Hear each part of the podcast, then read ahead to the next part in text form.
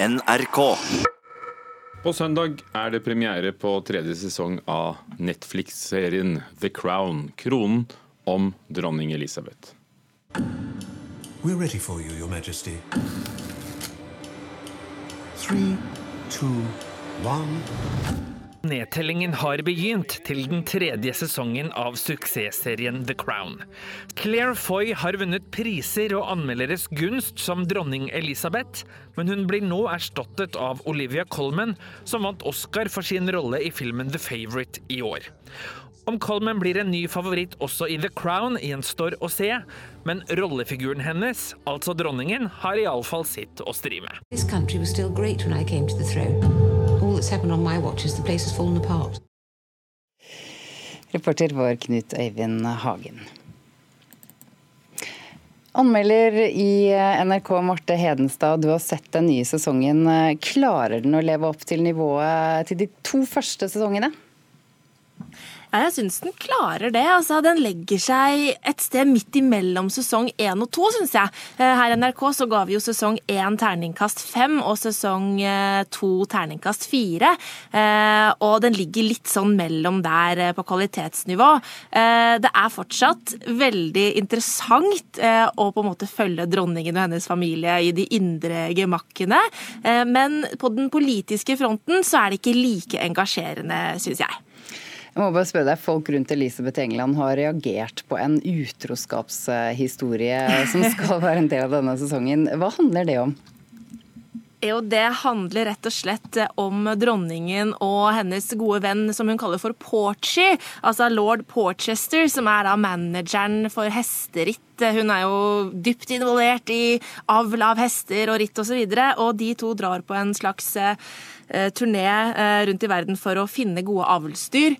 Um, og der uh, er det nok en del uh, reaksjoner på hvordan deres uh, i hvert fall veldig nære vennskap utvikler seg. Og det er en kommentar fra dronningen om hvordan livet kunne ha vært, eh, som nok er det folk reagerer på. Eh, for her mener en del da at det antydes at eh, det er mer mellom Porchi og dronning Elisabeth enn det som vi ser i TV-ruta. Hvordan fungerer Olivia Colman som dronning Elisabeth? Hun har jo noen helt vanvittig store sko å fylle etter Claire Foy. Altså Claire Foy hun ble jo virkelig bare sånn mitt indre bilde på dronning Elisabeth som ung, så ser jeg Claire Foy, liksom. Eh, men jeg syns at Olivia Colman virkelig lever opp til de forventningene man har hatt til henne. Hun er jo en helt utrolig dyktig skuespiller. Eh, men det er en litt annen dronning Elisabeth som vi ser nå. Eh, jeg syns hun fremstår som litt varmere, eh, samtidig som hun også fremstår som noe mer usikker i rollen sin som dronning. Da. Og det handler jo ikke bare om Olivia Colmans spill, men også hvordan manuset av Peter Morgan er skrevet. Her ser vi en dronning som føler seg veldig tvunget i rollen hun, hun er satt til, og, og lytter veldig da, til de som er rundt henne. Eh, men samtidig så syns jeg Coleman er utrolig flink til å eh, på veldig sånn subtilt vis eh, vise da, at det er mer under den litt sånn kalde fasaden som, som rører seg eh, følelsesmessig. Mm. Eh, og så er det en dronning som er eh, litt mer sånn tørrvittig og morsom enn det vi har sett før. Var det derfor de byttet skuespillere? For å få mer varme og, og humor? Altså Det eh, med skuespillerbytte og at de har byttet ut hele rollebesetningen, det er noe som var bestemt allerede før innspillingen av den første sesongen. Eh, det var på en måte Peter Morgan, serieskaperen sin visjon, at man skulle ha to sesonger av gangen. Fordi det er jo et langt liv eh, som portretteres på skjermen her. Og da ønsket man rett og slett ulike skuespillere som var på forskjellige steder i livet, da, for å vise dronningens og familiens ja, reise i livet, rett og slett. Og denne sesongen starter altså mot slutten av 1960-tallet. Hva er de sentrale hendelsene, mm. kort? Ja, det er jo en del politisk maktkamp eh, som pågår i Storbritannia. Det er nedgangstider, eh, og det er en periode hvor kongefamilien virkelig sliter med å henge med i tiden eh, og mottar en del kritikk fra det britiske samfunnet. Og så skal vi jo da litt på slutten innpå en viss en viss kommende kone til prins Charles, eh, som vi møter for aller første gang. Eh, og så så vi også se Charles sin innsettelse som prinsen av eh, Wales. Men det er en del turbulente ting når det gjelder monarkiets plass da, i Storbritannia. Høres sånn ut. Takk, anmelder i NRK Marte Hedenstad. Inger Merete Hobbelstad, forfatter til daglig kritiker og kommentator i, i, Dagbladet. Du har akkurat utgitt en tykk biografi om dronning Elisabeth, 'Årene med Elisabeth'. Hvem er denne lord Porchy vi hørte om her? Altså lord Porchester eller Porchy? blant venner. Ja, Lord Porchester var en ungdomsvenn av dronningen. De hadde kjent hverandre siden de var sånn sent i, i tenårene. Og var en av hennes nærmeste fortrolige venner hele livet. Og det hadde mye med å gjøre at de delte en sånn oppslukt interesse for hester og, og hesteveddeløp. Eh, han var jo den som bestyrte veddeløpshestene hennes i en periode.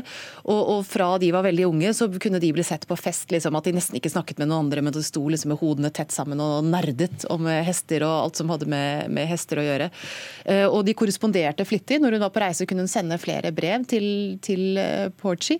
Og han var også kjent for å være en av de få som kunne eh, ringe Buckingham Palace og komme rett gjennom til, til dronningen. At han, det var en sånn stående ordre da, at han skulle ikke møte noen hindringer på veien hvis det var noe han hadde lyst til å si til henne. Og så hører vi da at i tredje sesong av serien The Crown så blir det angivelig antydet at det har vært et forhold mellom dronningen og, og Porci. Og den tidligere pressesekretæren til dronningen har eh, kritisert serien og kalt dette smakløst og helt ubegrunnet i britiske The Times. Hva vil du si? Eh, ja, altså, Dette er jo ikke noe The Crown har funnet opp. Det har jo vært rykter om eh, dronning Elisabeth og Porchie før. altså De litt mer, mer vidløftige ryktene sier jo at han er faren til prins Andrew. Eh, det tror jeg ikke helt, har vist seg å ikke helt stemme når man ser på tidsrom og, og, og, når Elisabeth og prins Philip var, eh, var, sammen før eh, prins Andrew ble født. Eh, men, samt, men, samtidig så reagerer jeg litt på det når, når den tidligere pressesekretæren da, Dick Arbity sier at nei, dronningen ville aldri vurdere å se på en annen mann engang enn prins prins Philip. Og man kan jo lure litt på hvordan en ansatt kan være så sikker på det, da, hva som har foregått inni uh, hodet på en kvinne som har vært gift i, i flere tiår. Uh, men altså, jeg syns det er viktig å ta med at uh, det skal ikke så fryktelig mye til før det oppstår rykter om affærer hva angår de kongelige, da, nettopp fordi det er så ekstremt stor nysgjerrighet på privatlivet deres. Og, og det er ingen på en måte konkrete tegn eller bevis på at, at dronningen og Porchi hadde et forhold. Da. Men at det var noen rundt dem som tenkte at de en periode var litt betatt av hverandre, kanskje særlig da de var eh, unge, eh, det var det. Det var helt klart at de hadde en helt spesiell kjemi. Hvordan har samlivet med prins Philip artet seg? Du, Det er jo en veldig fascinerende historie. Eh, dronningen ble jo hun møtte jo prins Philip første gang da hun var 13, ble forelsket i ham samme dag. Eh, dette er jo et av de få spørsmålene der hun trosset sine foreldre, for de var ikke sånn helt sikre på at denne litt sånn eh, ville, uforutsigbare outsideren av en prins var liksom den hun, hun burde slå seg sammen med, men hun var fryktelig bestemt. da, og, og, Du får følelsen når du leser om dem at denne litt sånn selvstendige, litt freidige fyren som ikke var redd for å si gråne politikere midt imot, at hun syntes det var eh, fryktelig sexy. da. Eh, han har vært litt mer lukket. litt mer vanskeligere å lese, og det har vært eh, langt flere utroskapsrykter om, om ham enn om, om, henne for øvrig. Og det, og det ble det også antydet i, i serien hittil? Absolutt, og det, og det, var litt interessant at The Crown unnlot å ta stilling til det. Da. Altså, de sa at de var der, men verken på en måte avkreftet eller, eller bekreftet det. Og så er det jo det at et, altså et kongelig liv tærer jo på forhold fordi det er, altså det er et hierarki i forholdet. Da. Det er noen som er overordnet den andre. I dette tilfellet av dette ekteskapet så har det vært hun som har stått øverst. Og rett etter at hun ble dronning, så var dette en stor belastning eh, i deres ekteskap. Fordi hun ble oppslukt av, eh, av, den nye jobben sin. Mens han var litt sånn at det var ikke egentlig noen definert rolle for en mann da, som var gift med en monark. Du kan si at Dronninger før har jo de har tatt seg av familien, de har tatt seg av det selskapelige. Ingen visste helt hva de skulle gjøre med prins Philip. Han var en aktiv mann, å ha kommandoen på et skip og, og gikk rundt og vansmektet, og det tæret på ekteskapet deres også i den perioden. I din bok Inger Merete Hobbelstad, 'Årene med Elisabeth', så har du et imponerende fotnoteapparat. Eh, og har da tydeligvis lagt vekt på at dette er etterrettelig. Har du de samme forventningene til, til, en serie som The Crown når de nye episodene kommer, at dette skal være biografisk, eller, eller syns du de skulle gått kanskje enda lenger og, og tatt seg friheter? Nei, Jevnt over syns jeg det er bra at de er, at de er etterrettelige. Og, og, altså, dette er jo tross alt levende mennesker, og The Crown, siden den er så populær, kan spille en ganske viktig rolle i å forme inntrykket uh, av disse menneskene for andre. Da. Så Det, Der syns jeg man skal være forsiktig med å dikte opp for mye. og når det er sagt, Klan er jevnt over veldig etterrettelig. De har veldig gode kilder, åpenbart. og og, og, som kan stoles på, men du ser iblant at de skrur opp litt for dramats og melodramats skyld. Da. At de legger til litt, litt konfrontasjoner og, og, litt holdninger som man ikke vet om uh, fant sted. Annet I episoden om prins Philip barndom så gjorde de den litt mer melodramatisk og, enn den egentlig var. Da. Og det, det, er nok dramat, dramatikk her til at man klarer seg. Da. Jeg syns ikke man trenger å gjøre det for å få en god fortelling. Takk skal du ha, Inger Merete Hobbelstad, forfatter av 'Årene med Elisabeth'. Aksel Jensen debuterte med et brak med romanen 'Ikaros' i 1956. Senere kom bøker som 'Line' og 'Epp', og så ble han kjent for et eventyrlig liv. Det var lakserødt lær, og så lagde jeg sånn, nesten som sånne vadestøvler som gikk, som gikk, helt opp til lysken, og som jeg måtte snøre på meg. Og så et esel. Og så dadler. En sekk med dadler og en uh, sukker og te. Så jeg lestet opp dette eselet med dette her, og så ga jeg meg ut til denne biten. Aksel Jensen selv i et radiointervju. Som kanskje antageligvis er fra 1994. Nå kommer en ny biografi om Aksel Jensen. Fra smokken til ovnen, storyen om Aksel Jensen, ført i pennen av Torgrim Eggen. Litteraturkritiker i NRK, Knut Hoem, hva er hovedoverskriftene i Eggens fortelling? Dette er jo historien om eh, slaktersønnen fra Oslos beste vestkant som eh, var litterært overbegavet og dro ut på dannelsesreise til eh, Sahara. da Vi hørte han her da han skaffet seg disse her lakserosa støvlene som gikk helt opp til lysken, som han sier. Eh, fordi han var så redd for eh, hornslanger. Senere så treffer vi han igjen på Hydra, der han er sammen med Marianne Ihlen, og der er Leonard Cohen, og der også Gøran Tunstrøm, forteller Torgrim Heggen, fordi de har sett en film av Sofia Loren, der Sofia Loren spiller en undervannsarkeolog nettopp på Hydra. Og så eh, blir han jo en del av hippiebevegelsen, og han treffer jo et par guruer og sjamaner, og blir litt av en sjaman sjøl. Og, og, skriver jo en sci-fi-roman som heter App midt på 60-tallet. Tar alle rusmidler som det er mulig å tenke seg og forestille seg. Og kommer til slutt seilende inn på en selfangstskute sammen med sin indiske psykologdronning Pratiba, før han da til slutt havner på et gammelt skolehus eh, i Ålefjær utenfor Kristiansand, der han da blir, eh, får muskelsykdommen ALS og til slutt dør. Det er kommet flere bøker om Aksel Jensen før, bl.a. av Petter Meilender, tidligere NRK-journalist. Og, og, han laget jo også en åtte episoder lang radioserie med, med Aksel Jensen. Hva tilfører denne boken? Dette er jo en uh, Life and Times-biografi, som uh, Eggen kaller det. Vil si at du får like mye tid, tidene uh, Eggen, nei, unnskyld, Jensen levde i som Jensen selv. Det er en potensielt problem, for da risikerer du at objektet for fortellingen forsvinner litt i vrimmelen. Og her vrimler det jo av veldig mange rare og spennende bifigurer.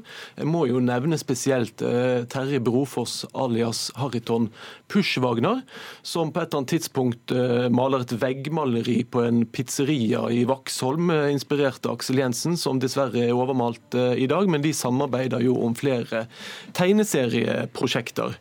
Eggen har også hatt tilgang til nye kilder, f.eks. brevveksling med Cappelen-redaktøren Henrik Groth. Der står det jo utrolig mye om hvordan de sendte penger og sendte penger og sendte penger til Aksel Jensen, men fikk veldig lite tilbake veldig lite tilbakestilling. Men hvor viktig var Aksel Jensen litterært, og, og som det fremkommer i, i denne boken? Ikaros og Line ser det ut som man bør ha lest før fylte 25, så da er det for seint for oss. Men Eppe står igjen, visstnok, tror jeg, sånn som jeg forstår det her, som en virkelig obligatorisk uh, klassiker. Resten er skrevet i stjernene, står det, het, var det en fantastisk bok som het. Den er illustrert av Pushwagner, så den bør man vel kanskje også ha i hyllen. Eh, og, og, hvor viktig er denne boken, ikke for Aksel Jensen, men for Torgrim Eggens forfatterskap? Nei, dette er et høydepunkt i Torgrim Eggens forfatterskap. Han har jo, Denne gamle rockejournalisten har jo laget mange fine bøker før, men her er det akkurat som om alt eh, han kan eh, gå opp i en slags høyere enhet. Det vil si at Her har alle sjamaner og sci-fi-entusiaster og frikere og silkeramper fra Oslo vest fått sine helt egne kulturhistorier. Fra smokken til ovnen, storyen om Aksel Jensen er tittelen. Takk skal du ha, Knut Hoem.